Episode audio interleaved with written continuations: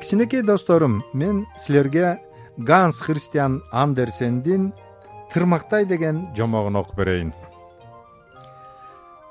Илгери илгери бир аял болуптур ал аябай балалуу болгусу келип карыган сыйкырчы кемпирге барат. Сыйкырчы кемпир ага кичинекей дан берет аял данды гүл отургузган идишке отургузуп койсо андан кооз гүл өзүп чыгат. Гүл ачылганда аял анын ичинен кичинекей татынакай кызды көрөт.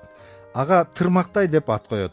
Аял аны жаңгактын кабыгынан жасалган керебетке жайгаштырат.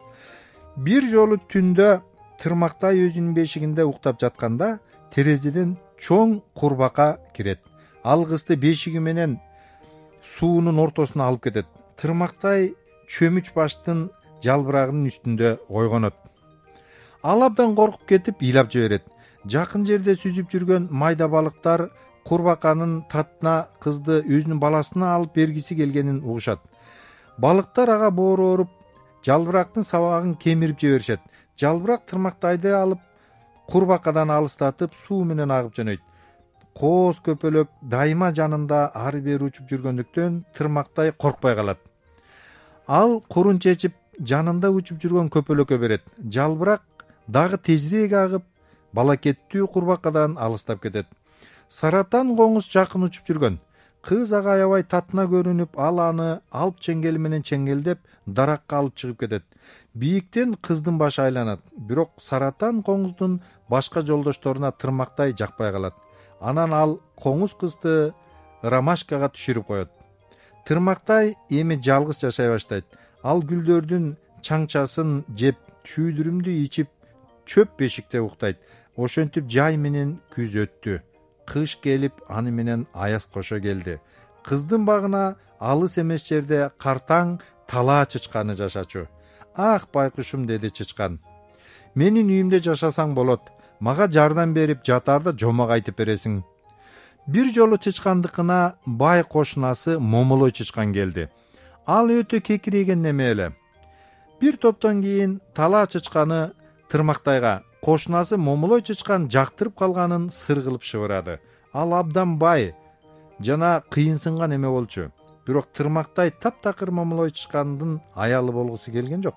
Бир жолу чычкан менен кыз момолой чычкандыкына конокко баратып өлүп жаткан чабалекейге урунушат бул канаттуудан эмне пайда дейт талаа чычкан тырмактай чабалекейге боору ооруйт. Ага кургак чөптүн сабактарынан жумшак жууркан жаап коет.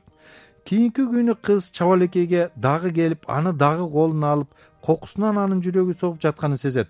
Тырмактай чуркап кетерде чабалекей үн чыгарып ырахмат сага татына бөтөгөй. Мен ушунчалык жылыдым. Жакында мен айыгып учууга жарап калам деди тырмактай кышы менен чабалекейди бакты жаз келгенде чабалекей кыздын камкордугуна ыраазычылыгын билдирип эркин учуп кетет. А тырмактай болсо картаң талаа чычкан менен жашап калат. Жай өтүп күз келди.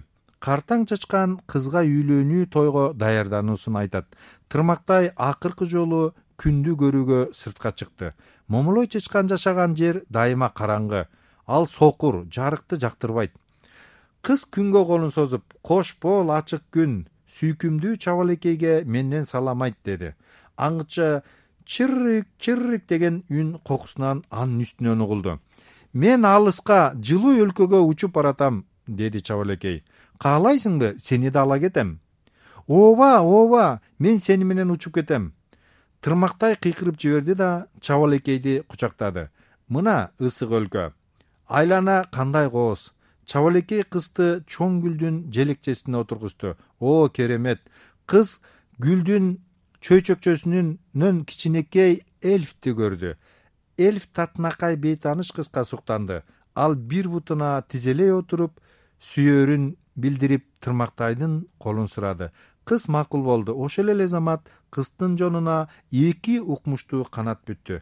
Бакыт каалайм. Чабалекей аларга кыйкырып булутка кирип жок болду жомокту окуган э, профессор аалыбек акунов